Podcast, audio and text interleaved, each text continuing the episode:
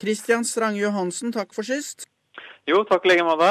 Um, sist helg ble nordmannen Kjartan Sekkingstad satt fri etter et år i fangenskap hos den islamistiske Abu Sayyaf-geriljaen på Filippinene. Uh, hva mer kan du fortelle om dette? Kjartan Sekkingstad ble bortført fra et hotell på øya Salam sør i Filippinene i september i fjor. Målet til Abu Sayyaf var å skaffe penger, og det er nå bekreftet at Sekkingstads filippinske svigerfamilie betalte for å få ham fri. Det er uvisst akkurat hvor mye som er betalt, men ifølge The Philippines da eh, var det snakk om rundt fem millioner norske kroner. To canadiere som var tatt i fangenskap, ble halshogget, og geriljaen truet med at nordmannen ville bli den neste. Det var særlig den filippinske fredsministeren Jesus Torresa som spilte en viktig rolle i løslatelsen. Og det er ventet at Sekkingstad kommer til Norge senere denne uka. Og Norges økonomi har vært noe svakere det siste året sammenlignet med tidligere år. Hvordan ser det ut i dag? Arbeidsledigheten har steget de siste månedene og er i dag på 5% Den høyeste på over ti år, faktisk. Som eh, tidligere nevnt, så er det særlig nedgangen i oljesektoren som er årsaken. Samtidig tror Statistisk sentralbyrå at arbeidsledigheten nå har nådd toppen, men at man bare vil merke en svak nedgang de neste årene. Nordea skriver i en rapport at norsk økonomi nå vil gå oppover. En sak som har fått mye oppmerksomhet i det siste, er den kraftige økningen i boligprisene. SSB forventer boligvekst også i framtida, men at denne blir svakere. I Oslo har noen bydeler opplevd en prisvekst på 17% på bare ett år. I Stavanger og Sandnes gikk prisene ned med rundt 7% på ett år, men her har nå nedgangen trolig stanset. I dag offentliggjøres ny styringsrente, og den er nå på 0,50% noe som er det laveste nivået noensinne. Den flytende renta i Lånekassen er på litt under 1,8% noe som også er tidenes laveste. 10.10 offentliggjøres ny fastrente i Lånekassen, og i dag er denne på ca. 1,5% Så det er veldig lave renter her, altså.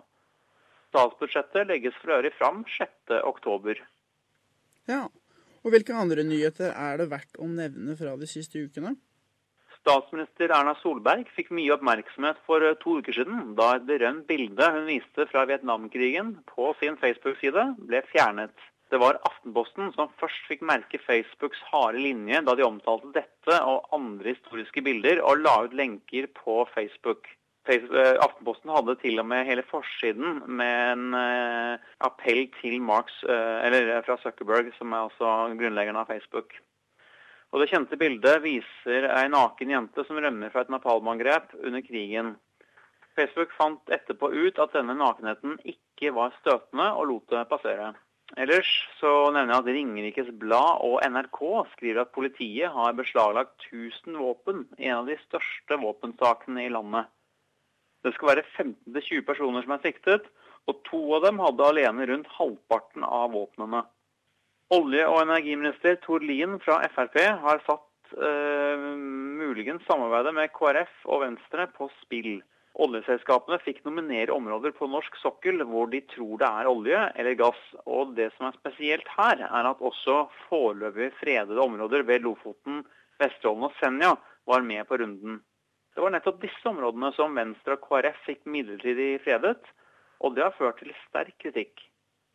Lien mente først at dette ikke var noe problem, men måtte straks snu og trekke tilbake kartene, skriver i Tromsø. Erna Solberg sier at hun har full tillit til Lien, men valgforsker Frank Aarebrot mener at tabben er så stor at Lien kan risikere å miste ministerjobben. Ja, og under OL i Rio så vant Norge bare fire bransjer. I roing, håndball og i bryting. Um, hvordan har det gått i Paralympics? Ja, Norge er jo ofte en eh, sterk nasjon i Paralympics, og i år ble det tre gull, to sølv og tre bronse. Svømmeren Sara Louise Rung sto faktisk alene for flertallet av medaljene, med to gull, én sølv og to bronse. Gullmedaljene kom på 100 meter bryst og 200 meter medley. Etter bronsen på 50 meter rygg sa hun til NRK jeg hadde som mål å ta fem medaljer. Det kunne ikke blitt bedre enn bronse i dag. Jeg er veldig fornøyd. VG skriver at det trolig ikke er noen som har tatt integreringen av funksjonshemmede i norsk toppidrett mer seriøst enn Svømmeforbundet. Dressurrytteren Ann-Katrin Lubø vant både gull og sølv, mens den siste medaljen i Paralympics, en bronse, ble vunnet av Andreas Bjørnstad i svømming på distansen 400 meter fri. Samlet sett er Norge på 21.-plass over mestvinnende nasjoner i sommerparalympics. Og så til et av de mest omdiskuterte spørsmålene de siste månedene. Har alle norske eh, langrennsløpere astma? Det kan jo av og til virke sånn, og det er blitt spøkt en del med bruken av astmamedisin blant den norske skiliten.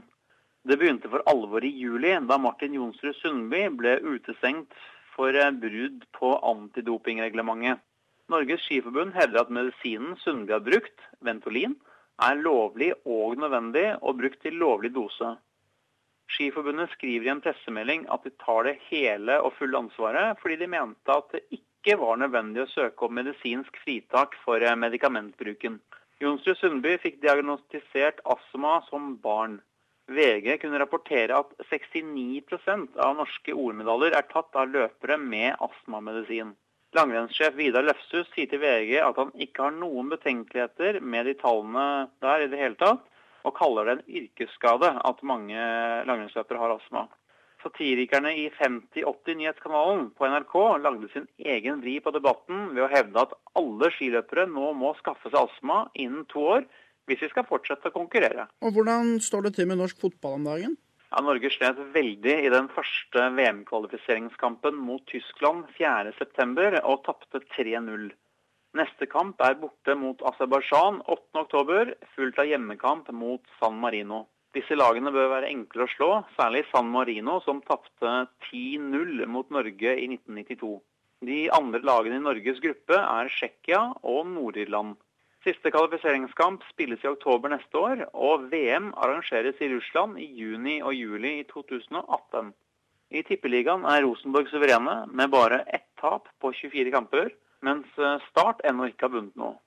LSK kvinner er ubeseiret i, i toppserien for kvinner.